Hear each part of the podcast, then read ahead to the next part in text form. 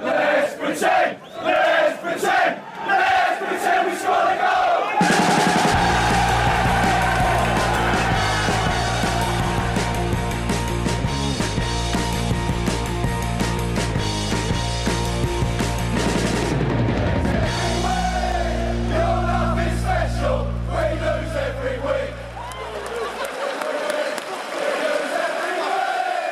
Sportbladets Premier League-podd hälsar välkomna denna gråa tisdag i november. Här är det grått i alla fall. Jag vet inte hur det ser ut hos dig Frida i London. Ja men det är faktiskt jättefint. Härligt eh, sen novemberväder med lite sol och eh, växlande molnighet. Så att eh, nej, det är inte grått i alla fall och trist. Det var soliga fina bilder också från helgen såg jag från ditt eh, eh, lockdown födelsedagsfirande. Ja, eh, det, det var det ju. Det blev ju lite, lite märkligt såklart med tanke på att man typ inte får göra någonting. Man vet väl egentligen inte vad som är tillåtet och vad som inte är tillåtet. Men eh, lite firande blev det ändå. Och jag var extra glad över att faktiskt få besöka Craven Cottage igen i söndags. Det, det var ett tag sedan faktiskt senast så att eh, det var härligt. Mysigt. Makoto, har du haft en fin helg? Du var mest koncentrerad på allsvenskan har jag sett. Ja, det har ju varit det. Jag var i Eskilstuna i lördags och var på Superettan faktiskt också. För då trodde vi att Degerfors skulle gå upp, men det gjorde de inte. Utan det vart, eh, det vart inte riktigt som planerat, men det blir ju inte alltid det där jobbet. Och sen eh, var man på Friends för första gången den här säsongen, sjukt nog också, och såg eh, AIK förlora mot Örebro. Så det är min helg, kort sammanfattat. Och grattis Frida, ska man ju säga i efterskott också. tack, tack. Eh, och ni som undrar vart Kalle tog vägen så, eh, ja, Eh, hade han så, så kallade personliga skäl som många har eh, just nu. Snoriga barn tror jag de kallas också. Vi, eh, vi hoppar väl direkt in i handlingarna från helgen och då måste vi göra det med Tottenham mot Manchester City, veckans sådär topp 6-möte som vi brukar säga. Det brukar alltid vara något, eh, något sånt varje helg känns det som. Eh, den här gången var det då Tottenham som tog emot Manchester City, Mourinho mot Guardiola. Det kittlar ju alltid lite extra. Eh, och det var Mourinho Frida som eh, gick segrande ur den här striden och, och, inte bara då på planen men även från, från sidlinjen för det kändes som en Mourinho-seger över, över Guardiola den här gången. Ja, det här var ju verkligen Mourinho masterclass eh, får man säga. Skulle väl våga påstå att det är den tyngsta segern som han har tagit sedan han anlände till Tottenham. Det är väl klart att den här stora bortasegern mot eh, Manchester United på Old Trafford hade ju också någonting men det var liksom kontrollerat från början till slut som var väldigt imponerande med tanke på att det var Manchester City som stod för motståndet och det var små taktiska grejer som Mourinho gjorde som eh, föll väldigt väl ut. Från det här att, alltså dels då alltså med Harry Kane och Ndombele som eh, som liksom gick upp och, och bildade nästan som ett tvåmannaanfall. Kane som i sin tur eh, droppade ner väldigt ofta.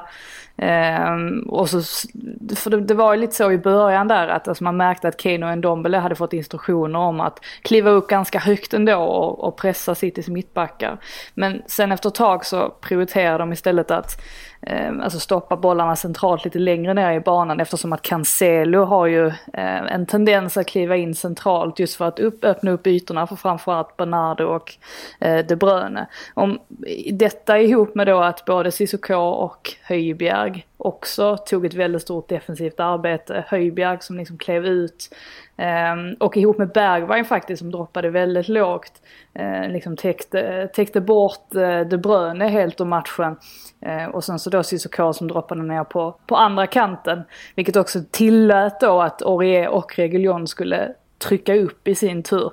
Det var väldigt effektivt och det gjorde ju också att City kom ju inte riktigt till, alltså visst, de hade många avslut och sådär, men det, det kändes aldrig riktigt farligt ändå. Och mot slutet kunde man väl också säga att det Bruyne som vi har pratat om väldigt mycket, det här med att han nästan har sett lite desperat ut. Alltså det gjorde han även i den här matchen, att det kändes som att han som lagkapten tog på sig väldigt mycket ansvar och ville liksom gå på avslut själv på egen hand utan att lyckas då. Och mm, alltså Tottenhams mål i sin tur är ju, alltså den här bollen från en Dombele är ju eh, otroligt fin fram till eh, Son där och och 1-0 och just det här också att eh, en Dombele droppade ner ganska lågt, alltså var på liksom Rodri hamnade ur position och följde med honom upp, vilket, vilket ofta friställde Harry Kane och gjorde att han fick styra och ställa precis som han ville. Och 2-0 målet där är ju också en jättefin omställning där liksom Kane hittar fram till Lo Celso då som, som nyligen har, eller som precis har kommit in, det är väl till och med hans första touch kanske. Så att nej men verkligen imponerande seger för Tottenhams del. Um, och en sån här seger som ju krävs nu om man ska hänga med där uppe i titelracet ändå som vi ändå får, jag skrattar lite men det var väl inte som att man trodde det här för några månader sedan. De har sett jättebra ut, de har värvat väldigt bra spelare. Men nu ser de ju också stabila och ut och kan kontrollera en match på ett sätt som de faktiskt inte kunde för bara några månader sedan. Och det är ju framförallt för att defensiven ser väldigt mycket bättre ut och, och att man också lyckas stänga, stänga ner helt centralt. Mm, ja, det var eh, en effektiv nedstängning av ett Manchester City som Alltså det, det, är någonting som fattas. Det är inte bara det att de saknar en målskytt såklart längst fram. Gabriel Jesus har inte riktigt eh, levererat, har eh, saknats under stor del av den här säsongen. Men det är, det, det, är, det är något som saknas. Det kändes som en så här talande sekvens där, där De Bruyne eh, träffar liggande Jesus. Eh, när han har ett jättebra eh, skottläge i, i straffområdet. Och det, det, det, det, stämmer inte för Manchester City just nu. Och de, eh, de har ju halkat efter rejält här i början. Det här är den sämsta inledningen på en säsong för Manchester Citys del sen Mark Hughes tränade laget. ehm, och det, det, det, det, är ganska, det är ganska anmärkningsvärt. Framförallt med tanke på att Guardiola skrev då på ett nytt, en ny förlängning av kontraktet här om, ehm, ja, väl var det förra veckan va? Ja, det är ju just det där kontraktsförlängningen man tänker på att i det här läget som City är i. Att i början har man ju tänkt, ja men det kommer att släppa, de har så mycket kvalitet när de får alla tillbaka och alltihopa, det kommer börja fungera. Men det här tabelläget man är i är ju ett krisläge. Det är inget att snacka om. Att man ska inte ligga där man ligger med den här truppen. Guardiolas lag har kraftigt underpresterat den här säsongen hittills och det finns anledning att oroa sig, särskilt med tanke på hur man åkte ur Champions League tidigare och allt det där. Nu är det ju ligan som alltid brukar funka någorlunda för City, den funkar inte heller. Så och Tottenham här, det är ju en total coachseger för Mourinho. Man, man läser ju City, City, även som Frida var inne på, även om de har en del skott och så vidare. Det känns aldrig riktigt superfarligt på så sätt. Och Mourinho har verkligen hittat receptet i Tottenham medan Guardiola verkar på något sätt vela med och inte riktigt hitta det nya receptet som de behöver för att kunna fortsätta vara ett dominerande lag, kunna fortsätta spela på det sättet som de tidigare har gjort. För de, de känns lite vilsna rakt av. Mm, det, det, saknas den där farten, alltså som man, som man verkligen såg under Manchester City under förra säsongen. Det är liksom Raheem Sterling, eh, hans, hans form har vi saknat. Vågar man säga att Leroy Sané saknas i det här laget? Eh, möjligtvis, fast de har fått in liksom Ferran Torres och de har ju så mycket annat. Men jag eh, vet inte, det är någonting i, i liksom tempot som inte, som inte är där. Och det är väl helt enkelt eh, eh som ju många varit inne på, som inte minst De Bruyne själv har varit inne på, att de är trötta. Eh, mm. Det har varit en väldigt, väldigt tuff period för Manchester Citys eh, lag och för många av deras spelare. Ja, och sen så hamnar vi ju alltså där återigen det här med striker-situationen att eh, Sergio Agüero som man förlitade sig på väldigt mycket förra säsongen får man säga att han inte har funnits tillgänglig och det finns väl frågetecken också kring, inte kring att han inte är en bra spelare, han är en fantastisk eh, fotbollsspelare och anfallare men med tanke på alla de här skadorna som ju avlöser varandra så är det kanske inte värt det i slutändan ändå för City. De behöver ju i vilket fall ha in en en striker som de mer kan lita på. Om så är fallet så hade jag nog gått efter en, alltså, efter en striker som är lite mer eh, men alltså som är lite mer center tank över, alltså förstår vad jag menar. Att de hade mått bra av att ha den typen av, av striker längst fram nu när Agüero inte finns tillgänglig. Men det som är intressant också är ju att just det här med att Guardiola har förlängt och vilket ju också var anledningen till att man tvivlade på att han faktiskt skulle göra det. Det är ju att han har ju aldrig byggt om ett lag tidigare i sin karriär. Alltså han, han har ju alltid sett till att, att lämna innan det har behövts så att säga. Och nu finns det ju ändå en poäng i att göra det. Man måste ju i alla fall sätta sig ner och, och gå igenom den här truppen och, och laget och liksom komma fram till vart man är på väg. Och, så det ska bli oerhört spännande att se vad Guardiola, för att jag betvivlar inte att han har förmågan att komma fram till vad som är bäst för Manchester Citys del. Alltså även i, i framtiden så att säga. Så att eh, det ska bli väldigt intressant att se vart det tar vägen. Sen är det ju så att Tottenham är ett väldigt starkt lag nu för tiden och med, med riktigt skickliga spelare och som är svåra att försvara sig mot. Så att just den här matchbilden då som det blir där Tottenham är jättebekväma med att stå lite lägre och tillåta Manchester City att ta bollen. Då, då blir det ju svårt för City att bryta ner den typen av motståndare också. Så att eh, nej, det är mycket att, att vända och vrida på eh, i det här läget för Citys del. Problemet är väl dock att man börjar ju tappa mer och mer på toppen. Jag, alltså jag betvivlar inte att det fortfarande kommer hända väldigt, väldigt mycket under den här säsongen sett till tabellplaceringar och sådär. Men man får ju inte mm, släppa, släppa iväg Liverpool och, ja, och Chelsea och Tottenham då eh, alldeles för långt, eh, långt fram helt enkelt. Nej. Det ska ju tilläggas också att även om City inte ser bra ut så att de nyförvärv man har gjort, det är ju några av de spelare som ändå tycker jag har kommit in och faktiskt gett en skillnad och gett en effekt. Alltså Ruben Diaz intåg i det mittlåset bredvid Laporte. Det har ju stabiliserat det här försvaret något helt enormt om man jämför med tidigare. Ferran Torres har ju redan nu visat att jag har kvaliteter för att faktiskt leverera för Manchester City redan nu trots den unga åldern och kanske inte jättestor erfarenhet. Även om man gjorde det strålande då i Valencia så är det en annan sak att gå till Premier League och leverera för ett Manchester City. Så att man har ju prickat på värvningarna tycker jag också. Och det i sig är ju intressant att det ändå inte riktigt fungerar, att det ändå inte liksom lossnar för dem. Nej, och, det, min teori är väldigt mycket tror jag eh, handlar om Kevin De Bruyne. Eh, de förlitar sig så oerhört mycket på hans eh, kreativitet och på att han ska styra det, det, offensiva spelet. Och han, jag tror han är sliten, jag tror han, jag tror han helt enkelt är trött i kroppen, trött mentalt. Ehm, han har ju också sagt det själv och när han inte är på toppform då är inte Manchester City lika bra helt enkelt. Ehm, det är mycket tror jag kan ehm, ledas tillbaks till det. Spurs är eh, serieledning i alla fall. Ehm, de främsta utmanarna, Liverpool och Leicester, de möttes på, ja rent poängmässigt då, eh, på eh, Anfield i söndags. Ett Liverpool som står utan van Dijk, Salah, Henderson, Thiago eh, Trent och så vidare. Eh, och många hade ju lyft ett varnande finger då för Leicester i den här matchen. Men eh, Klopp plockade fram det där som han gör då och då. Den där intensiteten och, och Liverpool var faktiskt eh, klasser bättre än Leicester i den här matchen. Och inte minst Diogo Jota som har kommit in och eh, nu kan man sakna en i den där fronttrion utan att det märks. Så var det inte riktigt för ett år sedan.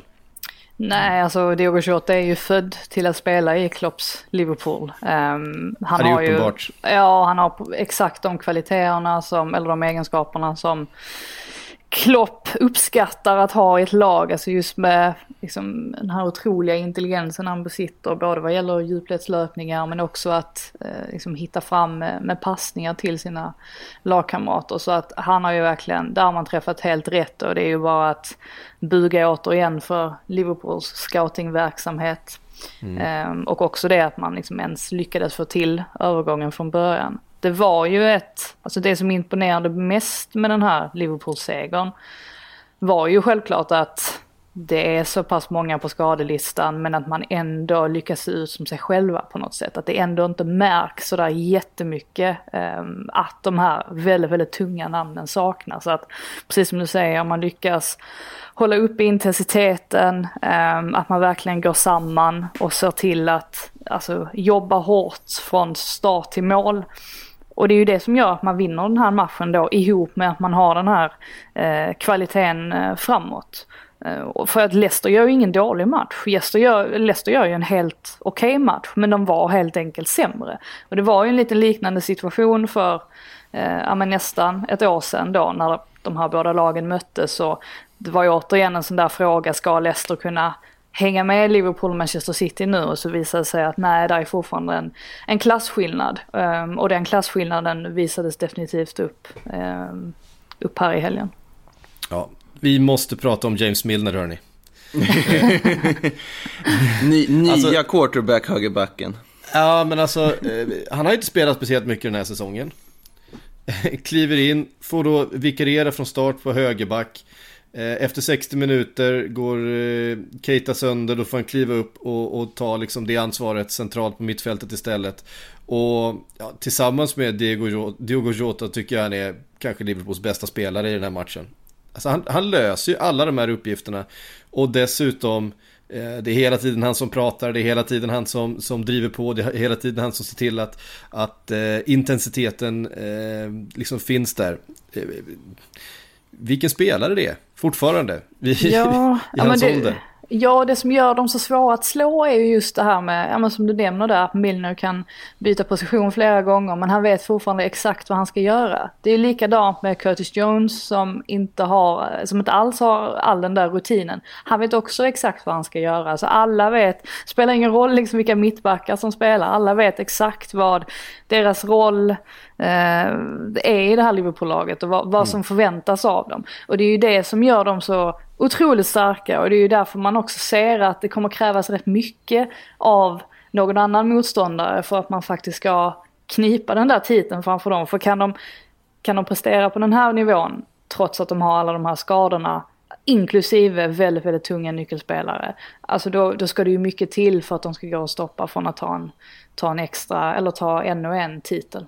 Mm. Mm. Eh, och det är just den här Eh, det är dels att systemet är så eh, väl alltså inpräntat i alla spelarna. Det gör det ju ganska enkelt för alla spelare. För man har sin roll och man vet att om jag gör mitt och de andra gör sitt, då kommer det här funka.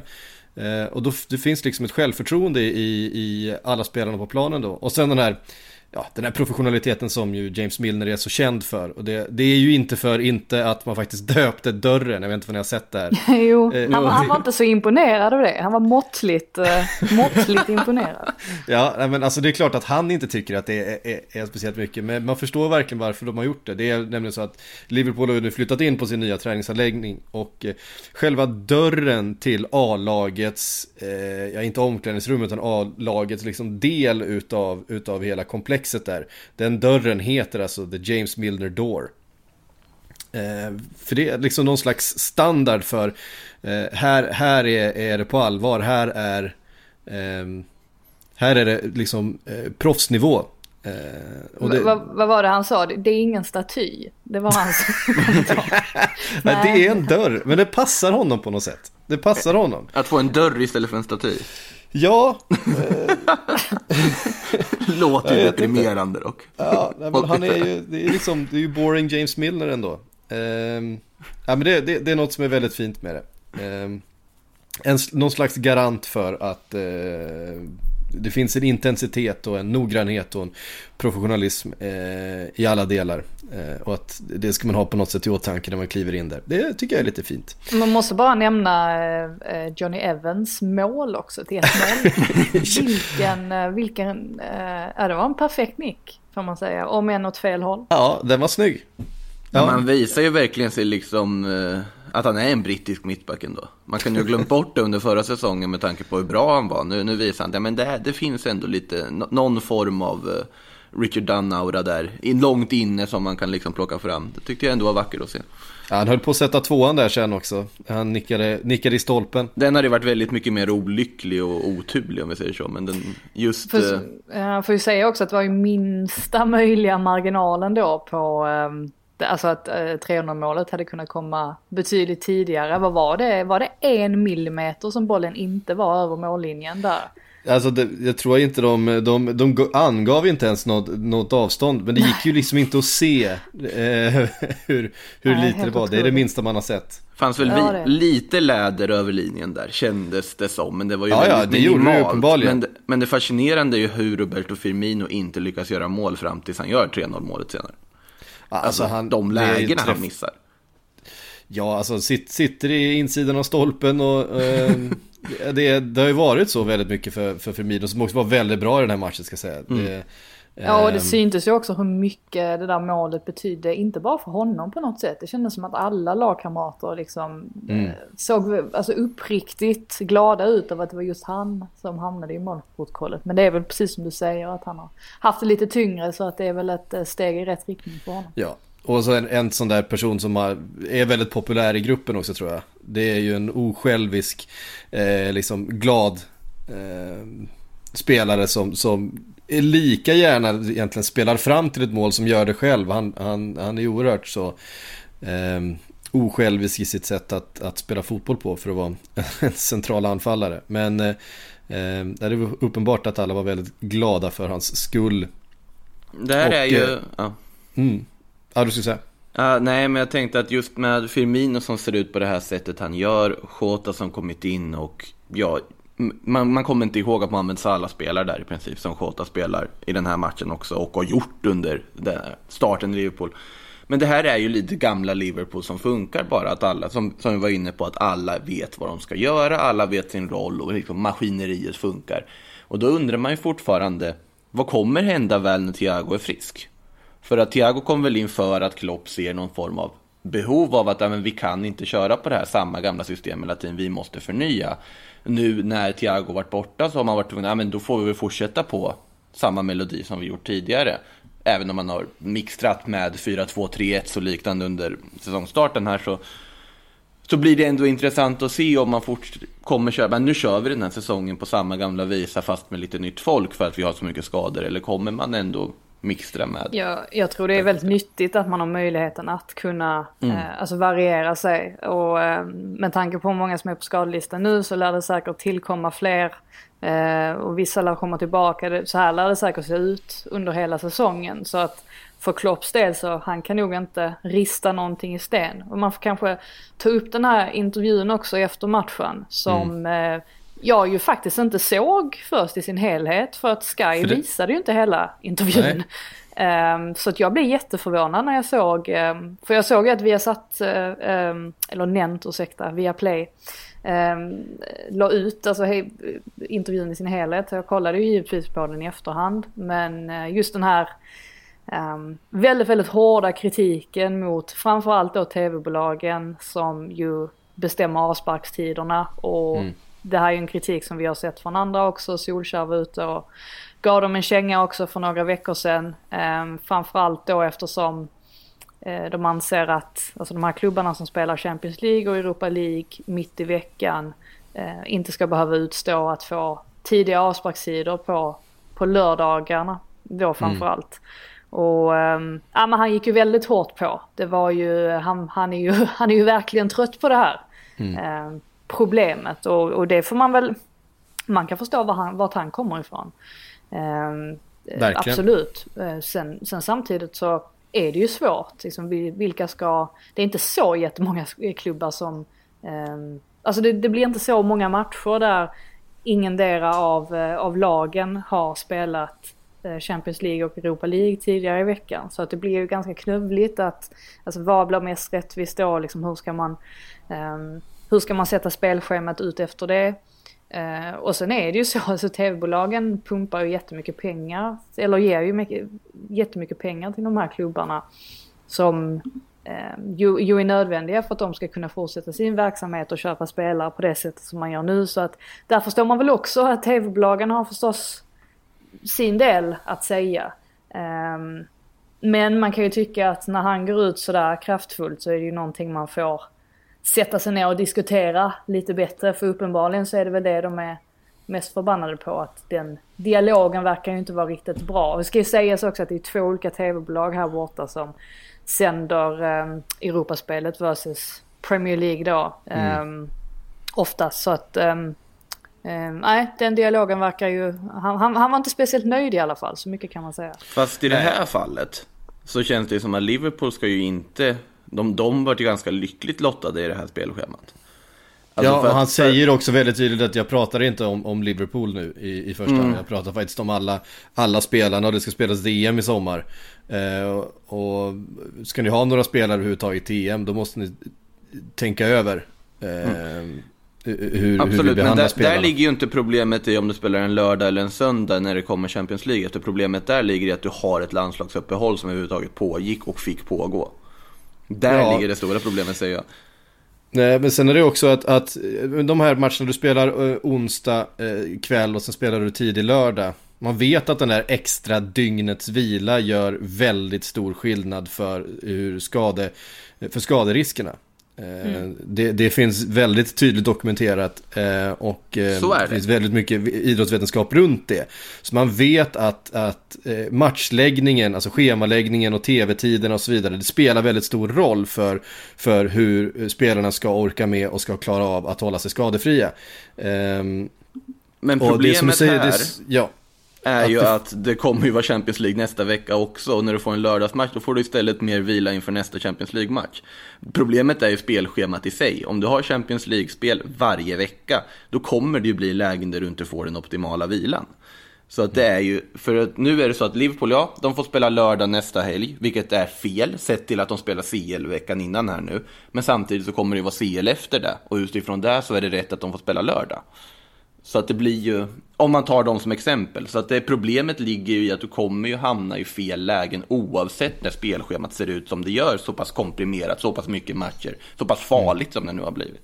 Jo, men det, ja, alltså absolut. Men nu är det väl att de, de möter liksom Atalanta klockan åtta på, på onsdag och sen så har de tilldelats den första avsparkstiden mot Brighton då på, på lördag. Det är väl det som är liksom upphovet till irritationen och sen så grundar det sig också i det här med att eh, att man inte har fem byten att tillgå. Jag tror att det fortfarande gnager lite i honom eftersom att det ändå är ganska många klubbar nu som hade velat se det men uppenbarligen inte tillräckligt många. Ehm, och eh, det är ju någonting som de kommer, alltså om man då tar övriga Champions League eh, och Europa League-lag ute i Europa så är det, kommer det kanske vara en fördel för dem. Och de kommer kanske ha fler spelare friska framåt våren eftersom att de har möjlighet att byta eh, fem spelare. Det, det får vi ju se. Eh, men det är väl mycket irritation här som har legat, legat Ja. och kokat under, under lång tid. Ja, Det är det är väl, två, det är väl två, så, två saker att det, det Dels att han upplever inte att det finns en dialog runt det Utan han får stå i en mixad zon och, och vara irriterad över det Och det i sig blir ett irritationsmoment Och det är det första han tar upp. Jag vill kunna prata om det, jag vill kunna diskutera Och jag vill att Sky Sports och BT pratar med varandra Så att det, de gör det bästa för spelarna För att det är liksom eh, Spelarna går sönder här. Och det andra är ju då att, ja, som det är just nu Eh, vi vågar ju heller inte byta för tidigt i matcherna, även om vi märker att spelarna, därför att åker vi på en skada så står vi plötsligt där med nio man. För vi har inga fler byten kvar. För att vi har gjort våra byten i, i, i det är inte nödvändigtvis så att vi behöver byta fem spelare varje match. Men vi kanske behöver byta tre spelare varje match. Men vi vågar inte göra det vid, vid liksom 50-60 minuter. Eh, för att åker vi på en muskelskada i 75 ja, då får vi spela med en man mindre resten av matchen. Ehm, Eh, Så att det, det är uppenbart så att han fortfarande är frustrerad över, över eh, bytes, eh, fembytesregeln som inte blev av. Absolut, och där, där förstår jag ju. Utan det är väl snarare mer att kanske kritiken i sig, den stora kritiken mot att du har ett helt ohållbart spelschema ska riktas Ja, mot snarare Det Uefa. Eh, såklart så. Men Ja. just därför så kan jag tycka, alltså bara lägga till det, att jag Mm. kan tycka att det, är, ehm, att det är ganska sjukt då att man, som i Skys fall, att man mörkar det här på något sätt. Att man väljer att bryta intervjun och så tror man att ja, men då kan det sopas under mattan lite enklare. Det är sådana grejer som gör också att man tappar så mycket respekt för den här typen av bolag och tänker att, att de liksom flyr ifrån sitt ansvar. För hade de liksom visat allt han hade att säga, hade de liksom visat det från början till slut så ja, jag vet inte, nu, nu känns det som att det blir en liten bitter eftersmak i munnen av att de faktiskt in, alltså, inte riktigt vill lyssna med det örat och framförallt inte vill att allmänheten ska bilda sig en uppfattning kring detta. Ja, Jag ty, tyckte inte det var snyggt bara. vi kan ju konstatera att det är väldigt synd att Pedro Chirivella inte är kvar i Liverpool så han kunde kaptenat laget mot, Nap- vad heter det, mot Atalanta i veckan. För det hade han ju gjort om han hade varit kvar. Precis. Ja, ja, vi får se vad det blir för lag där eh, mot Atalanta på, på onsdag. Jag tror ändå att de eh, känner att de vill ha tre poäng där så att de eh, kan vara helt säkra de två sista omgångarna eh, utav gruppspelet här och verkligen kan, kan rotera och vila eh, mycket. Eh, då säger jag någonting, vi har inte pratat någonting om Leicester nästan. Ehm, Eh, vi, eh, vi, har ju, vi har ju snackat upp dem. Lite återkommande tror jag för resten av den här podden är att saker som vi har snackat upp de senaste veckorna levererade ja. inte i helgen. Ja, jag tänkte, jag tänkte precis på det att det sker ganska ofta när vi ska ändra, ja. ägna ett segment åt ett lag. Så går de och förlorar sen. Det är ja, samma precis. sak med Crystal Palace ju. Ja, nej men jag, jag, jag, jag har ju hyllat Thielemans till exempel. Han var inte bra i den här matchen. Jag tyckte ändå han fick en del framförallt i andra halvlek, fick en del tid med bollen och fick vända upp och fick styra spelet, i alla fall under en period där i början av andra eh, halvlek. Men slog bort ganska mycket bollar. Eh, tycker, eh, tycker inte han kom upp i nivå. Det, det, var ju inte bara han. Harvey Barnes såg pigg ut. Eh, har, ju deras, har ju bästa läget också i, i, för Leicester i matchen. Eh, men i övrigt så var det Alltså sen... Madison såg inte heller riktigt eh, ut som sitt bästa jag. Nej men sen är det ju den typen av, av eh, match och eh, taktik från deras sida där. Alltså vi såg mot Arsenal där fungerade det ju ganska bra liksom. Där stod de lågt i, eh, alltså med, fram tills det var en halvtimme eh, kvar. Och sen så utnyttjar då eh, att man kan slänga på vad det är och så kommer det en omställning och sen så sitter det målet som krävs. Eh, nu blev det ju inte riktigt den matchbilden med tanke på att Liverpool får in ett mål där i 20 minuten. Hade de lyckats hålla tätt Alltså tänk under hela första halvleken och bit mm. in i andra. Då hade det nog sett lite annorlunda ut. De, de hade ju ingen chans egentligen att, att ta sig in i matchen. Så just därför så lämnar man ju ändå med en känsla av att Leicester var inte sådär usla ändå som eh, alltså resultatet kanske eh, påvisar. men Liverpool som i den här formen är väl ett lag som passar just Leicester ganska dåligt också. Måste man ju ha i åtanke.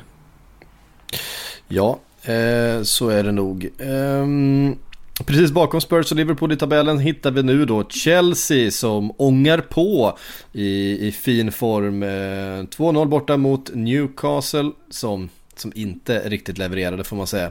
Men ett eh, Chelsea som skapade väldigt mycket under första halvlek eh, framförallt. Eh, och ehm, ett framtvingat självmål mer än Johnny Evans får man väl säga att eh, Ehm, Fernandes eh, självmål var för, för, eh, för Newcastle och sen ett eh, fantastiskt 2-0 mål. Vilket förarbete av eh, Timo Werner som driver upp bollen. Han är nästan, han är väl mitt på egen planhalva.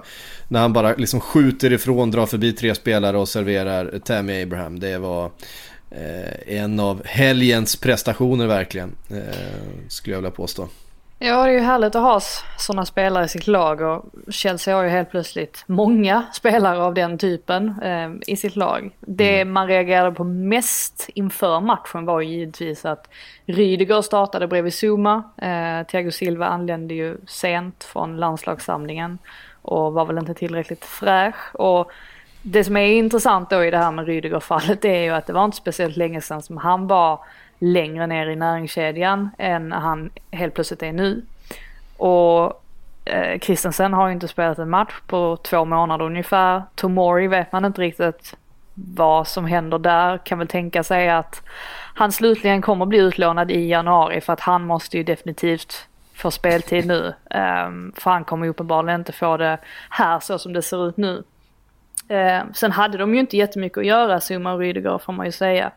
Eh, även om det såg stabilt ut, för Newcastle var ju inte alls det där. Newcastle kan ju vara väldigt jobbiga för de, den här typen av eh, storklubbar så att säga att möta mm. med tanke på att de står väldigt lågt och har en tendens att vara ganska svåra att bryta ner. Men Chelsea hade ju inga problem med det överhuvudtaget. Och återigen ser man ju också Kanté som alla engelsmän har börjat säga nu. Jag förstår inte varför. Alltså de har sagt Kanté i, i, alla år men nu helt plötsligt så har det gått en trend i att börja säga Kanté så jag får väl också ändra då. Eh, han har ju verkligen blivit sitt gamla jag får man ju mm. säga och det har vi ju sett de senaste veckorna också att han har hittat tillbaka till en roll där han känner sig bekväm och nu kan man ju inte fatta egentligen att det var snack om att det kanske är bäst för Chelsea att släppa honom. Eh, nu är han så betydelsefull att man eh, absolut inte kan säga att eh, de skulle vilja göra sig av med honom. Så att nej, där, där har han ju verkligen hittat den här balansen med då i det här fallet Mount och Kovacic på, på varsin eh, sida lite högre upp då. Eh, mm. Om Kanté. Så att det är mycket som ser bra ut i Chelsea och nu är ju Pulisic på väg tillbaka. Um, Kai Havertz finns det ju också tillgänglig snart så att det är mycket att ta av. Det är väl bara Giroud egentligen som inte är sådär jättenöjd med situationen. Nej, och en Giroud som väl antagligen kommer släppas i vinter. Eh, det, har vi, det, det, det, säger, det säger man ju ofta. det säger ja. man han behöver lämna för att få speltid inför, inför mästerskapet. Men... Det är väl det som är, alltså det häft, eller häftiga, men ja, ja men lite, jag tycker det är fascinerande med Frank Lampard. Att det är ganska många spelare där man tänker att nu är han så långt ner i frysboxen att det finns ingen chans överhuvudtaget att han kommer göra en enda minut till i Chelsea-tröjan. Sen helt plötsligt så står han där ändå i startelvan. Alltså nu, vi har ju sett det med Giroud tidigare. Eh, sett det nu med Rydiger. Det, det, visar väl också att han har förmågan att, att ändra uppfattning och alltså om man ska tolka presskonferenserna rätt så verkar det som att Lampard går väldigt mycket på träningarna och vad som händer på träningarna. Eh, och de får vi ju tyvärr inte ta del av så att vi vet inte vad som händer där. Men det är intressant ändå att det liksom aldrig är riktigt kört så att just därför så vågar jag inte räkna bort Jiro i Chelsea förrän han faktiskt lämnar i så fall. Det finns ju ingen man vågar räkna bort egentligen. Vet du, vi satt väl här i somras eller i höstas och pratade om att det skulle vara vettigt att gå till Aston Villa på lån för Tammy Abraham. Det känns ju inte som ja. att det är aktuellt nu, om vi, om vi säger så. Har ju fått jättemycket förtroende på ett sätt som är väldigt kul att se att både Abraham och Mount fortfarande har fått sin speltid. Men det blir ju intressant att se nu när Ziyech är tillbaka och har börjat som han har gjort. Han bidrar ju med en helt ny dimension till Chelsea som jag tycker har varit jag tycker han har varit en av deras viktigaste spelare här sedan han kommit tillbaka och verkligen nu, man fattar varför man värvar honom helt enkelt. Timo Werner har vaknat till liv, börjat betala tillbaka på den transfersumman. Och så har vi ju Kai Havertz med all den potentialen. Vi har Pulisic, vi har Hudson Odoi som är med i eh, liksom ekvationen igen också. Mount Abraham, hur ska han ställa upp det här väl när alla är friska? Det är det som ska bli väldigt spännande att se. Alltså i Abraham-fallet så Alltså jag tyckte aldrig att han skulle gå på lån. Alltså jag Nej, men det var väl någon sån diskussion som... Ja, det fanns ju en diskussion. Men jag, men jag såg verkligen en plats för honom mm. i Chelsea trots all den här nya konkurrensen. Jag tror att det som har varit viktigast i, i hans fall är att han har blivit en mycket... Alltså han är väldigt osjälvisk numera på planen. Han inser att han behöver eh, ta på sig vissa uppgifter som att kanske droppa ner lite längre och sådär. Alltså som en eh, falsk nia för att liksom bereda utrymme för sina lagkamrater. Det är sådana här lite små grejer som han eh, har tagit på sig och utvecklat som jag tror gör att Lampard ser att eh, han har vad som krävs och att det är mm. anledningen till att han får starta de här matcherna. Och det är bara för honom att ta eh, så många chanser han får nu medan det finns spelare borta. Harvard står framförallt och sen Pulisic såklart också som kommer komma tillbaka och då kanske Werner flyttar in centralt och sen så är han petad. Så att det är viktigt för honom nu att visa upp sig och verkligen visa att han har någonting att göra i den här startelvan. Men det är ju en fantastisk bredd såklart mm. för, för Lampard att ha. Ja, det är otroligt verkligen. Um, vi, um, ja, vi får väl säga något, alltså Newcastle håller ju ändå på att, att, att stöka till det lite grann i andra halvlek där när, när eh, det bara står 1-0. Eh, till... Eh, det är ju så de brukar göra. Ja, de, de har ju en tendens att, att liksom tråka ut motståndet och sen så får de in någonting. Nej, men det var ju... Eh, Joey Linton hade, vem var, det som, vem var det som tog sig igenom där i mitten och är helt ren framför mm. målvakten och skjuter över. Eh, och återigen så eh, får man ju säga att ehm, Okej, nu glömde jag vad jag skulle säga. Gud, tanken bara föll ur huvudet på mig. Förlåt, fortsätt. Det händer. Eh, nej, men, händer. Och, och lång, Långstaff har ett långskott i, i, eh, i, i kryssribban och sådär. Så plötsligt så, på något sätt så vaknade de till Newcastle under några minuter. Eh, Just det, nu kommer jag ihåg. Nej, det jag skulle säga är att den här matchbilden och så som Newcastle spelar. Newcastle var ju sitt vanliga jag. Det här med att de, precis som du säger, de vaknar till mot slutet.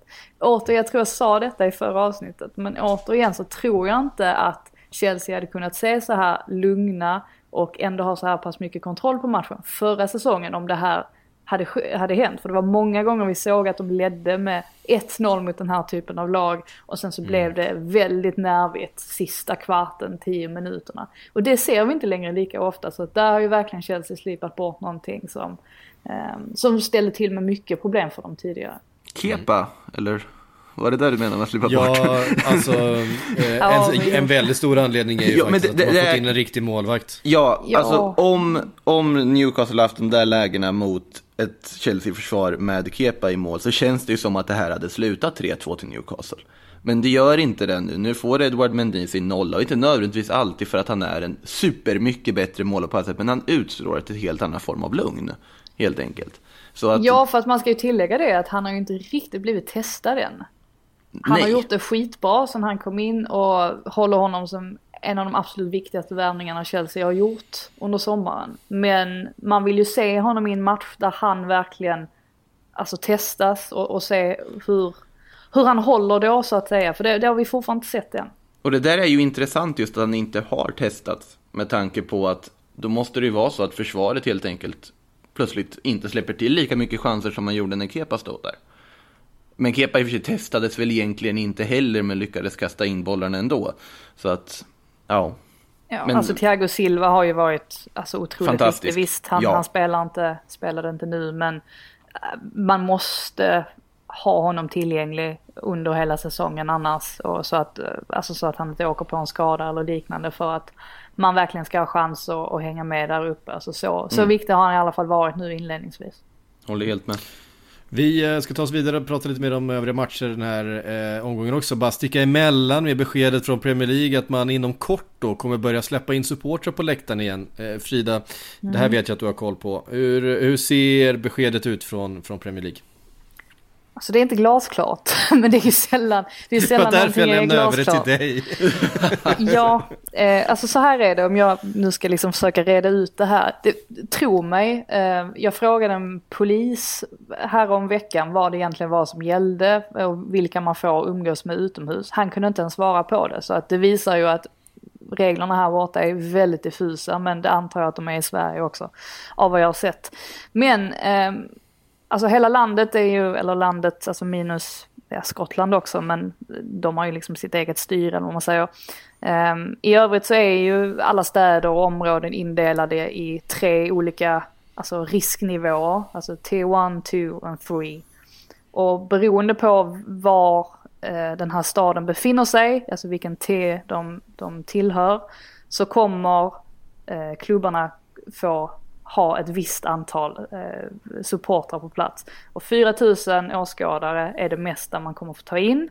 Eh, det kan också vara 2000 om det är så att man för tillfället ligger i T2. Eh, skulle man befinna sig i T3 så är det kört. Då får man inte ta in någon överhuvudtaget. Och de områdena i Storbritannien som just nu ehm, har lägst smittade och där man har liksom, kontroll på situationen och alltså befinner sig i T1.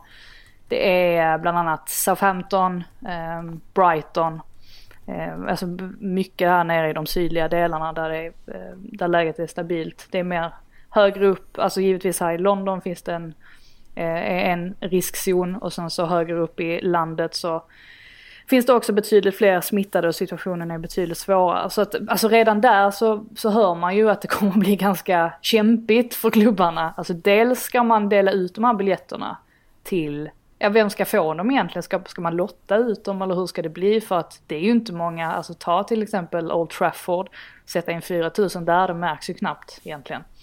Och eh, så att det där är fortfarande mycket som eh, Alltså många frågetecken. Det som är skönt är väl snarare för de här klubbarna i lägre divisioner. För dem betyder det ju det här väldigt mycket. Och oftast är det ju så också, alltså till exempel Millwall hade ju, de spenderar ju hur mycket pengar som helst för att få till ett säkert sätt att kunna ta in publik på sina matcher. Jag tror det var uppåt en miljon kronor eller någonting sånt där som de faktiskt eh, eh, spenderade för att se till att, att säkra upp så att för alla de här klubbarna är det ju en, en, eh, en stor seger i sig att regeringen till slut har insett att de måste börja tillåta publik. Sen, samtidigt vet jag inte riktigt hur Premier League-klubbarna känner. Det är klart att det är fantastiskt att det får börja gå, finnas folk på läktarna. Eh, sen samtidigt så är det inte som att de tjänar några stora pengar på att det kommer 4000 åskådare. Så att eh, vi får väl se vart det lider. Men jag är i alla fall glad att det går åt, det går åt rätt riktning.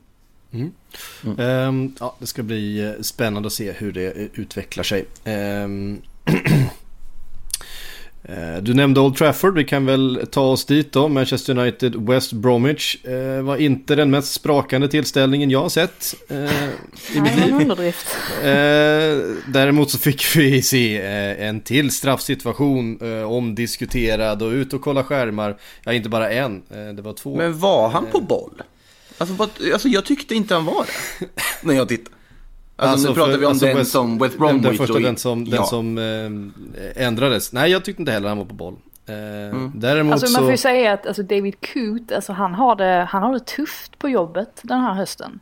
Det är, Han är- ofta han har, det här var ju samma domare som eh, satt i varummet under Merseyside-derbyt. Så han är ju inte, han är inte populär just nu här borta. Han, han skulle ju suttit i, i, var, i varummet mellan eh, Liverpool och Leicester men, men petades efter eh, in, alltså FA insåg att det, det skulle bli lite väl kontroversiellt eh, och lite, lite jobbigt för Coot själv tror jag eh, att hamna där och behöva ta kontroversiella beslut, domslut igen. Eh, det gjorde han på Old Trafford istället. Eh, det var ingen, ingen höjdarinsats från någon på planen skulle jag vilja hävda. Manchester United såg enormt blekt ut. Får ändå med sig då tre poäng tack vare eh, Bruno Fernandes från straffpunkten igen. Eh, och ehm, ja, efter en till sån där handboll. Eh, det är inte mycket att säga det tycker jag. Ja, den är ju ska vara solklar. ska vara hans. Men jag vet inte om ni brukar lyssna på, på Guardians Football Weekly så finns det Barney Roney som är en Eh, är ganska kul fotbollsskribent eh, skulle jag väl ändå eh, hävda. Han har en helt otrolig rant om straffar, hands eh, och den här matchen som jag måste rekommendera i det här läget. Har ni inte lyssnat på det så, så eh, tycker jag ni ska göra det. Ehm, den var faktiskt väldigt, väldigt rolig. Eh, men, men vi får bara konstatera att det var en, en svag insats från både Manchester United och West Bromwich. Eh, Manchester United fick med sig sin straff och satte den och, och, och, och vann. Alltså det är ju ingen, eh, jag såg någon stats också. Kan det verkligen stämma att Bruno Fernandes har gjort 5% av Manchester Citys alla straffar genom tiderna nu? Det verkar så oerhört... Alltså, Det verkar helt sinnessjukt. ja det verkar det. Men de har ju fått väldigt många straffar med sig. Tänker jag ju. Och han har gjort väldigt många straffmål. Så att det kanske inte är Ja, helt orimligt. alltså sen, Men det är sen ju 5% av genom alla tider. Men sen, ja, precis. Det brukar väl vara. Eller sen Opta startade eller något. Ja det måste ju, ja så... Det kan ju inte vara sen men- Football League startar liksom. Nej alltså jag tänker ju med Premier League då. Så 92 Ja. var det väl. Där kan det ju vara.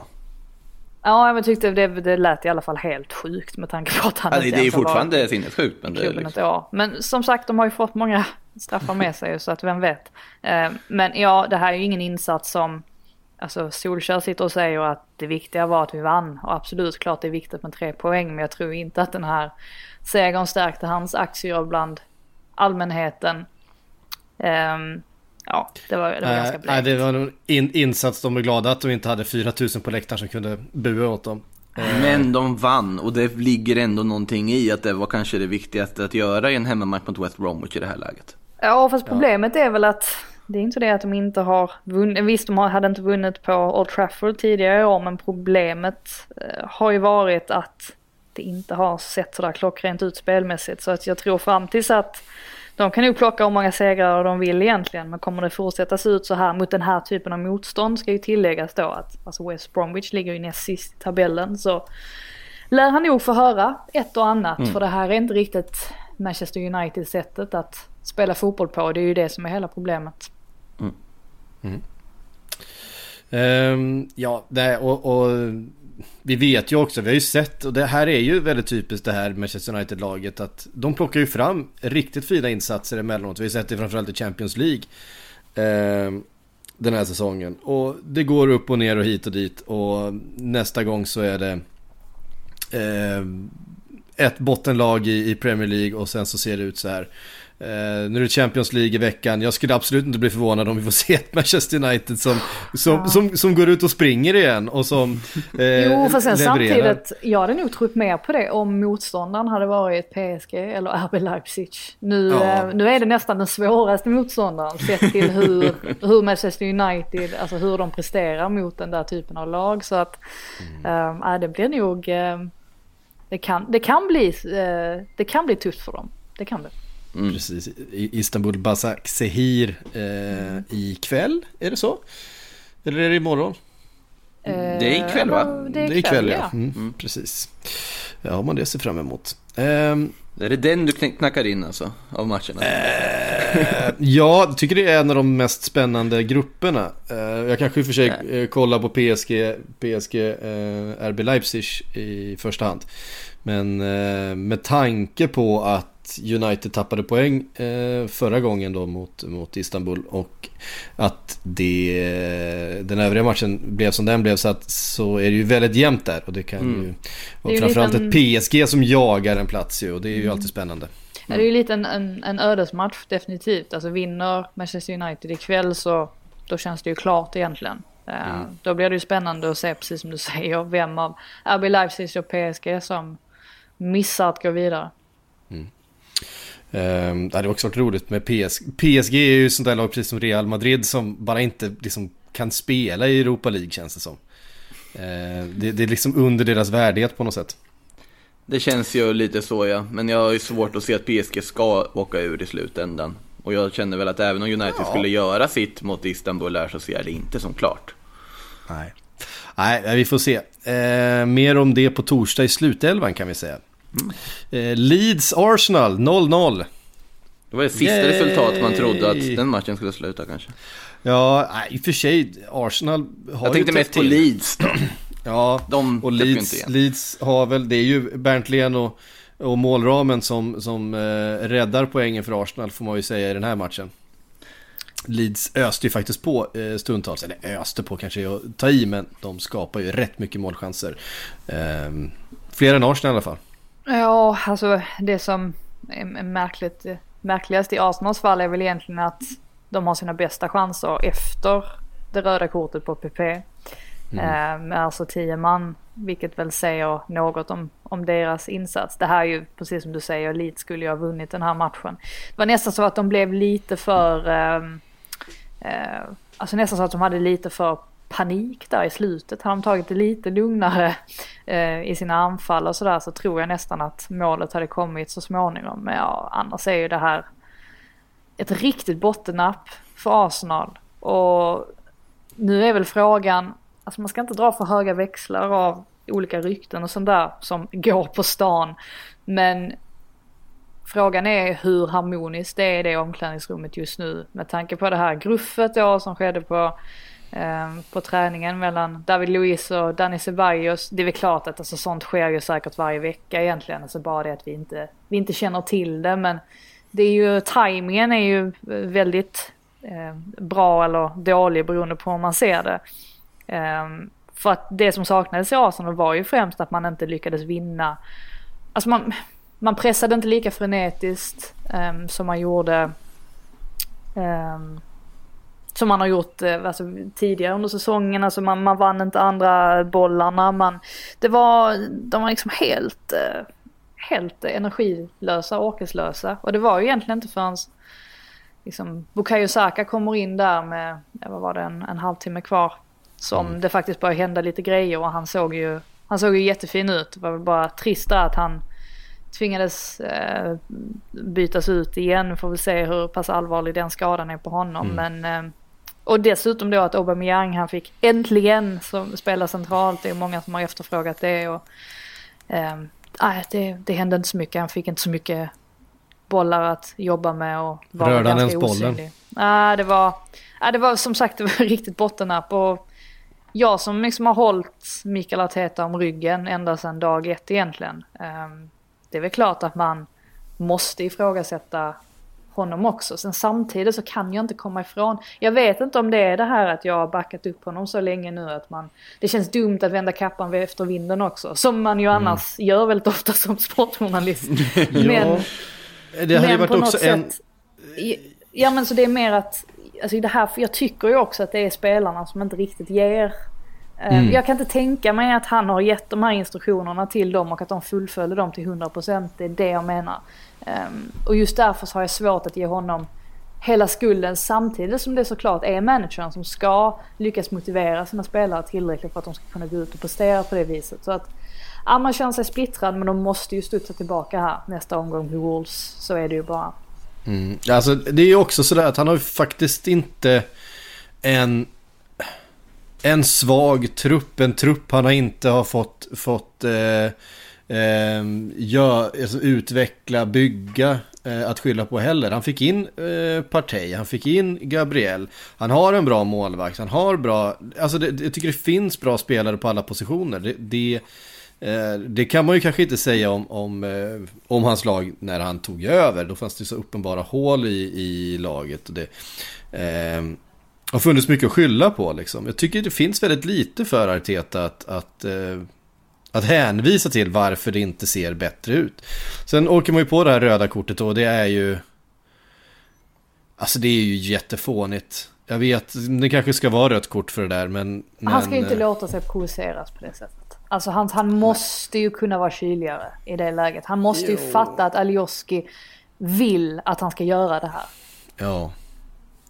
Jag tycker också att domaren måste, måste också köpa att, att det, det finns känslor. De nuddar varandra. Han, gör, han utsätter ju inte Alioski för någon, någon, Nej, fysisk, nej, någon, någon fysisk risk. Eh, och, och, eh, jag vet inte, jag tycker, kan jämföra det här med att ge någon en, en liten knuff eller vad som helst. Jag tycker det, en tillsägelse, kanske gult kort. Jag tycker inte att det ska vara rött kort för det. Drar du ett lans för skallningen som liksom eh, grepp i... Men är, det där var ju fan knappt en skallning. Det är väl liksom fast- så här... Men varför ska han gå upp så? Nej, Varför alltså det är klart att det är, jätte, det är klart det är jättedumt. Det är klart det är jättedumt. Och var ska man dra gränsen då? Ska, Ja, ska nej, man få det är göra... svårt. Alltså, det är ju det som är problemet. Mm. Jag tycker inte man, man ska inte dit med pannan överhuvudtaget och det vet ju han om också. Och Arteta var ju absolut inte glad på presskonferensen efteråt. Och dessutom eftersom att PP har inte fått sådär jättemånga chanser av honom. Och när han väl får den så tar han inte den utan han ställer till det på det här sättet istället. Så att ehm, jag har full förståelse för att Arteta var vansinnig. Eh, kommer väl dröja innan vi får se att PP får den här typen av chanser eh, igen säkert. Ehm, så att ja, ehm, vad var det jag skulle säga? Just det, det som var mest intressant också tyckte jag i hela den här PP-härvan var ju att, det var ju Chiantenis ehm, reaktion efter slutsignal. Han är ju den sista spelaren jag hade trott att man skulle förstå och hålla tillbaka för att han vill ge sig på Alioski. Han som är så snäll och timid vanligtvis. Han var ju fullständigt vansinnig. Han är ändå från Glasgow. Det, det ligger ju något i det här liksom. Han är ju inte ens från Glasgow, han är från Isle of Man till och med. Så Jaha, okej. Ja, Han alltså, hade så nog det är fått ett Loch. Ness-odjur av Bologna oavsett i presentationsvideo för han hade hamnat där. Han är från Skottland i alla fall. Han ville väl visa hur en riktig skalle ska se ut. Eh, inte en sån där, en sån där fjösare. Ehm, eh, Fulham, Everton, Frida, du var på plats på Craven Cottage. Eh, det blev ganska spännande till slut ändå. Det kändes eh, inledningsvis som att, som att eh, Everton var, det, och det var de väldigt klart piggaste laget. Ehm, Richard, Richarlison tillbaks eh, betyder väldigt mycket, eh, tyckte jag man märkte. Och Dominic Calvert-Lewin med två mål igen då, han, han fortsätter sin fina målform. Vad, vad tog du med dig från, från eh, Craven Cottage? Jag tog med mig ganska många saker. Eh, främst att Fulham är ett rätt bra fotbollslag. Och ehm, att anledningen till att de inte får med sig resultaten är ju för att de är alldeles för öppna bakåt. Alltså två av Evertons mål kommer ju sig av liknande situationer. Och här ska man väl, eh, får man också flika in det här med att det stora problemet för Evertons, Evertons del i tidigare matcher då som de har förlorat bland annat mot Manchester United och Southampton är ju att man har inte riktigt råd att ehm, lämna sådana där ytor som Chamez har en tendens att lämna eh, bakom sig. Och det är ju någonting som motståndarna har utnyttjat väldigt mycket. Vi såg alltså Ralf Hasenhütten hade definitivt sagt av sina spelare att anfall bara på vår vänsterkant. Just för att man såg den luckan där. Men nu hade Ancelotti Han hade skruvat lite på det. Han satte Iwobi som en sorts wingback så att han täckte av hela den ytan, vilket var otroligt effektivt för att det gjorde ju att motståndarna fick ju inte lika mycket eh, chans eh, att eh, anfalla på, på den kanten. Och dessutom så var ju Ewobi inblandad först ehm, i det här 2-0 målet blev det väl. Eh, där han gör ett jättefint förarbete och så hittar han in till Chamez då som mer drog sig in centralt och sen så Chamez hittar utåt till Din givetvis som eh, hängde med upp i, i anfallen som vanligt. Och eh, sen så var det mål där och sen så alltså, dröjde det inte jättelänge innan det var en liknande situation igen med eh, då att det var Ducoré istället som nickade in 3-0 och där såg ju matchen klar ut, alltså när man hade den ledningen. Men så visar ju Um, uh, ja, vi får ju tillägga också att Bobby Reed gör ju ett väldigt fint mål samtidigt som um, Jerry Mina är ju, uh, han är steget efter där så att säga. Han har väldigt inte, stora problem att... Han är inte så snabb Jerry Mina. Nej, ändå... han har ju väldiga problem att försvara sig mot den typen av avfallare som Bobby Reed är som liksom bara slinker förbi och, och gör mål. Och ska vi säga också att det var Bobby Reed som uh, missade passningen där vid Eh, Eh, det första baklängesmålet för Fulham så att det var väl lite revansch för hans del också. Men i andra halvlek så såg det ju, alltså efter paus så tänkte man ju att det här är ju alltså kassaskåp säkert då för Everton som hade 3-1. Men så visar de ändå tendens då till att skaka till och det är väl framförallt när Ruben Loftus-Cheek kommer på. Ja, vad var det, 58 minuten eller liknande. Som Fulham tar tag i matchen helt och har superkontroll och får ju med sig den här straffen som Loftus-Cheek um, får med sig som uh, Ja, det är, det är väl inte det bästa man har sett. Det, alltså återigen de, så har de ju en tendens... Straffar och Fulham har inte varit... Varför får inte Mitrovic slå dem? Alltså, Luckman gör det han ja, för att han missar ju också en under landslagssamlingen. Så att, jo, och han men... har missat den vid tidigare tillfälle under säsongen. Så att han är ju inte heller... Nu var det ju ändå, nu var det precis som att man sa att nu får liksom Cavaliero chansen här att mm. eh, liksom ordna upp det. Snubblar och skjuter över. Ja, det var väl oturligt också. Men de har haft ganska mycket, de har inget bra facit Fulham överlag vad gäller straffar. Så att jag vet inte om det bara är så enkelt att de har någon sorts förbannelse över sig som gör att straffar är inga givna mål för deras del. Fast men... när man börjar, alltså även om Mitrovic har missat straffar, det är en notorisk målskytt som har varit med i gamet och vet vad det handlar om. Alltså det känns som man bara gräver ett hål allt djupare när du börjar plocka in Luckman som ska leka Panenka och eh, Cavaleiro i ett sånt här läge. Kan jag känna. Ja, alltså jag vet inte. Det är ju lätt att sitta här och säga det när de missar. I, ja, precis. Jag, exakt. Det är, det är nog inte så lätt att vara Scott Parker i det läget heller, eh, tror jag. Men hur som helst så, Loftus-Cheek tar ju på sig det på egen hand och gör ju mål typ två minuter senare. Så att det var väl skönt. Eh, det var väl skönt det för Cavalieros del och sen så trycker de ju på där ända in i slutet och hade mycket väl kunnat få med sig 3-3. Det var väl det jag skrev också, det som kändes extra trist med att sitta på just Craven Cottage för att hade det där varit fullsatta läktare den dagen, alltså det var en fantastisk dag för det första. Det var solen sken och det var alltså riktigt, det var inte varmt men det var liksom en sån här riktigt härlig höstdag. Och det var fullt med folk ute i rörelse för det är ju det enda man kan göra nu för tiden, det är ju att gå på promenader.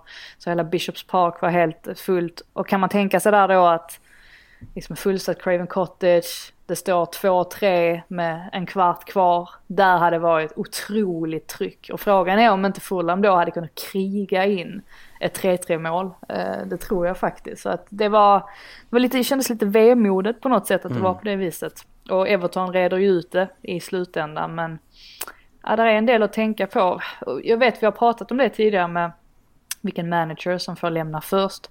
Nu börjar jag nästan tro att Scott Parker kan vara den som står näst på tur för att det är som att han inte riktigt får, han, han får inte riktigt liksom um, rätt på det hela. Han har ganska bra spelare ändå att tillgå nu. Men varför till exempel Loftus Cheek, varför spelar inte han från start? Alltså det finns, finns några frågetecken ändå eh, kring dem. Så att, men det ska bli spännande att följa dem nu under, under säsongen. För som sagt det finns goda tendenser även om det oftast inte räcker riktigt ända fram. Nej. Um, vad hade vi mer? Jo, vi hade ju förstås um, gårdagsmatchen, eller ja, en av gårdagsmatcherna, eh, Uh, Wolverhampton-Southampton. Uh, eh, Southampton som vi också har uh, hyllat kom kanske inte upp i sin högsta nivå mot, mot Wolves igår. Även om man tar ledningen då genom Theo Walcott. Eh, det var fint för honom att få göra sitt, sitt första mål då på 15 år för Southampton. Eh, Vackert. Han var bra i den här matchen. Han var väldigt bra. Ja, alltså tyckte han såg, eh, det var länge sedan man såg honom, framförallt så här dribblig. Alltså mm. han, han, brukar ju alltid, alltså i det raka spelet eh, har vi sett honom djupled och så vidare. Men, men det här att glida in centralt och, och göra en gubbe eller två med en sulfint. Det vet jag inte för, det var länge sedan jag såg, såg honom så här. Eh, optimistisk i sitt eh, fotbollande, den gode Theo Walcott. Nej, och sen, sen ska ju, jag tycker att Wolves ska vinna den här matchen. Vad har de, jag tror de hade 20 målchanser chanser, eh, matchen igenom, var 9 skott på mål. Så att ehm, eh, marginalerna var inte riktigt på deras eh, sida, men jag tycker ändå de visade ändå goda tendenser på något sätt.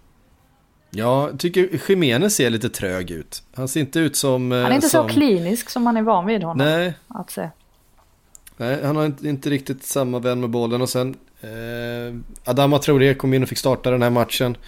Eh, de, han spelar ju också en 4-3-3 nu, eh, Nuno, och det äh, ser inte riktigt ut som det vanliga, vanliga Wolves eh, som vi liksom har lärt, oss, lärt känna under de senaste säsongerna. Eh, Podens och så vidare som ju ser, ser fina ut men ser inte helt färdiga ut på något sätt för eh, Eh, eh, de ser inte riktigt färdiga ut just nu som lag tycker jag, Wolves, för att eh, kunna utmana uppåt. Det känns som att de får, kommer få kriga för att komma på någon liknande position som, som förra året och eventuellt kan de få ut en del av alla de här unga portugiserna som de då plockar in titt som tätt att, att spela ihop dem under kanske till nästa säsong eller så. Jag tycker inte det känns som att de har har kvaliteten framåt eh, för att utmana uppåt. Eh, om jag ska vara riktigt ärlig. Nej, det var nog skönt för dem att slippa Danny Ings också med, med tanke på att Connor Cody saknades i, i backlinjen. Mm. Ja, precis. Det är ju intressant det med Jiménez också att, att han inte har sett så pass vass ut som han gjorde förra säsongen. Men när du har Fabio Silva som du betalade otroligt, alltså förvånansvärt mycket pengar för den här talangen från Portugal då. Som på mm. bänken kan ju vara ett läge här man tänker att fan, kanske man skulle sålt Jiménez. Ändå förra säsongen när det ändå fanns bud och så vidare för att spela in Fabio Silva. Eh, sen är ju Jiménez är ju såklart en bättre fotbollsspelare fortfarande idag än vad Silva hunnit bli än. Ja. Men... Alltså problemet med Fabio, Fabio Silva tycker jag har varit att han ibland tar lite fel beslut. Alltså det är ju någonting man kan förvänta sig av en mm. spelare som alltså in, inte är äldre än 18 år. Men just att hans beslutsfattning är inte riktigt på plats än. Så att det är mm. väl kanske anledningen då till att han inte får sådär jättemycket speltid än så länge. Att han liksom slussas in lite, lite försiktigt sådär av Nuno. Mm. Jag tycker också att sådana spelare som, alltså, jag stör mig lite grann på systemet också för att de, det är väl kanske för att de saknar eh, mittbackar helt enkelt för att spela sin vanliga fembackslinje. Men eh, en sån spelare som Nelson Semedo till exempel. Eh, när han då blir, om man säger en vanlig högerback med eh, Adama Traoré framför sig. Eh, till exempel och, och, och dessutom eh, ett, ett mittfält, eh, en mittfältstrea. Så vet jag inte riktigt vad man ska med en sån som Semedo till. Eh, det är ju inte den defensivt mest, eh, den mest stabila pjäsen och offensivt så var han ju knappt över mittlinjen i den här matchen. Det känns Nej. som att det, det, passar inte riktigt det, det här laget att, att spela utan sina wingbacks. Eh, Men det måste ha varit eh, eftersom att Cody var borta. Jag, jag tror i alla fall inte att jag har sett Wolves spela med fyrbackslinje i Premier League. Det är mycket möjligt att de har gjort det någon annan men jag, jag kan inte minnas att jag har sett dem göra det. Så att det måste ha varit för att, um, för att Cody var borta helt enkelt. Eller att han mm. bara ville testa någonting nytt. Jag vet inte. Mm. De vill ju bli mer spelförande och sådär så att det är väl möjligt att de försöker testa sig fram lite. Ja, ja jag tyckte det såg lite, såg lite trögt ut i alla fall. Eh, säga någonting om eh, Aston Villa eh, Brighton, ett eh, annat Aston Villa som vi har hyllat senaste tiden, inte minst eh, eh, Graylish pratade vi mycket om i, i förra avsnittet. Eh, han Men kom nu, inte nu, upp i men nu var det nivå. karman. Karman slog till äntligen för Brighton. Ja, nu var det Brightons tur. Det var, Det var verkligen Brightons tur. Brightons tur. Ja, definitivt. Och det, alltså, många landar väl... Alltså, det som är konstigt med den här matchen är att jag tycker inte liksom, det här är ju absolut inte Brightons bästa prestation under säsongen. Det var ganska långt ifrån så här det Graham Potter-eskt. Um, esksta, usch vilket jobbigt ord det blev. Systemet som man, är, som, man, som man vet om att Brighton vill spela. Och just därför så är det så överraskande att man faktiskt går härifrån med en 2-1 seger. Danny Welbeck gör mål. Eh, Det har man ju väntat på att få se egentligen. Eh, och det är ju precis det här som Brighton behöver. De behöver någon som gör mål. Alltså Mopé har ju missat, har missat en miljard chanser sedan säsongstarten. Så att man behöver verkligen någon som är betydligt mer klinisk så att, att han får in det målet. Båda är verkligen gott liksom för Brightons fortsatta målproduktion och Marches mål är ju också liksom helt fantastiskt vackert eh, när han drar in den där i eh, den andra halvleken. Sen blir det ju såklart det här eh, kontroversiella beslutet eh, där det är väl March som är inblandad till och med. Där eh, det först är straff och sen när Oliver har kikat på sin monitor så tar han tillbaka beslutet. Och jag vet att jag twittrade så här att äntligen VAR gör någonting, eller varför säger jag VAR? VAR gör någonting rätt, VAR gör någonting rätt. Och jag tror det var många som inte uppfattade min ironi i, det, i den tweeten. Det är kanske inte alla som känner till att jag har lite ironi på för Brighton. Ja det är ju det och ibland kanske man antar att alla har the background story liksom. Och så har de inte riktigt det. Men ja, de, de, där kommer de ju undan. Um, med nöd och näppe Brighton. Men återigen, det var kanske karman som var på sin plats där med tanke på att de har fått en hel del beslut emot sig den senaste tiden. Mm. Jag tyckte i alla fall att de förtjänade. Ofantligt viktiga tre poäng, måste man ju säga. Ja, otroligt. nödvändiga. Eh, Just för det här, alltså nu har ju tabellen ändå delats in i typ tre olika skikt. Man vill ju inte tillhöra det här bottenskiktet då där, alltså Burnley trots att de vann nu under gårdagen så tillhör de ju fortfarande den ihop med Fulham, West Brom och Sheffield United. Nu vill man ju hänga på den här, alltså med, vad blir det, Newcastle, Leeds, City, Arsenal, alla de lagen. Eh, Så att det var otroligt viktigt för Brightons del. Det som var problematiskt egentligen var väl att Lanty får den här utvisningen, de här två gula korten. Jag tyckte det var alltså, ganska hårt. En hård utvisning. Eh, Men det innebär ju också att man tvingas klara sig utan honom nu mot Liverpool i helgen. Å andra sidan så var det kanske på sin plats att han får vila lite så kanske lika bra att han gör det mot Liverpool. Men det är ju ett avbräck i alla fall. Verkligen. Ja, vi, vi har fler lag. Du nämnde Burnley som ju då vann eh, med 1-0 mot Crystal Palace eh, igår, den tidiga matchen igår. Mål av Chris Wood. Eh, hon, det hade man nästan glömt att han kunde göra mål. Han var bra i matchen också. Alltså, jag tyckte både han och J. Rodriguez såg väldigt pigga ut. Och ett Crystal Palace som saknade eh, Wilfried, Wilfried Zaha. Och då vet vi ju att det är... det brukar inte gå lika bra för Crystal Palace när han inte är med.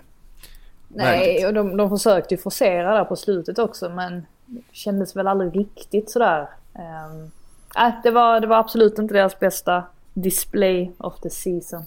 Nej, eh, de känns ändå rätt... Jag, jag känner mig ändå rätt trygg med att eh, Crystal Palace kommer eh, leva ganska säkert under den här säsongen. Eh, det kan man inte säga om Sheffield United.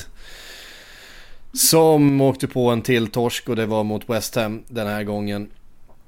Eh, ja, alltså det, det såg ju, det, det, det är som det har varit med, med Sheffield United. Tycker, tycker att de är med bra i matchen, de skapar en hel del.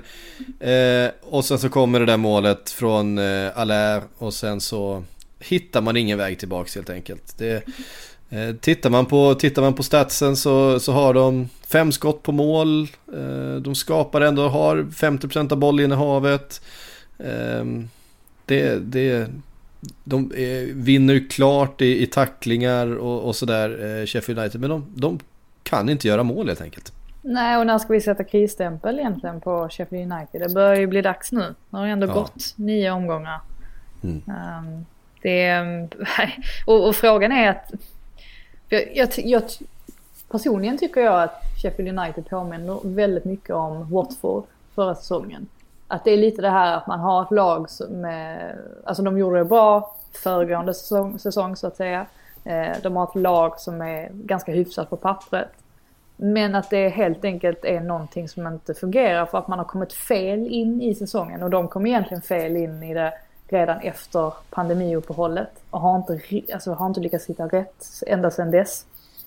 Och jag tror ju dock inte att Chris Wilder sitter löst. För att liksom, om vi tittar på Watford så var det nog inte rätt beslut av dem att sparka Javi Gracia och göra alla de här bytena. Alltså Nigel Pearson var ju, han var ju väldigt bra eh, och höll ju på att eh, få dem att klara sig kvar i slutändan, Watford. Men det är ingen bra idé tror jag att börja möblera om på det sättet. Utan här får man nog bara försöka eh, alltså fortsätta kämpa på. Och när man till slut får den där första segern så kanske man förhoppningsvis kan bryta det här momentumet. För att mm. det känns som att de är inne i någon sorts oflyt just nu och att de inte riktigt kan ta sig ur det. Alltså som att det är en mental låsning lite grann. Mm. Så att, eh, men ja, det ser ju inte bra ut i alla fall. De är ju lite Nej, i en Bournemouth situationen då. Alltså nu har ju Bournemouth levererat ju ganska många säsonger innan man gjorde sin platssäsong förra säsongen då. Men att det kommer egentligen inte hjälp att byta Chris Wilder, som du säger Frida, för att det är ju egentligen det systemet som har visat att ja, men, det här är så vi kan nå framgång. Att komma in här och ta in någon som säger nu ska vi börja spela possession-fotboll, det kommer, det kommer bara gå käpprätt åt helvete.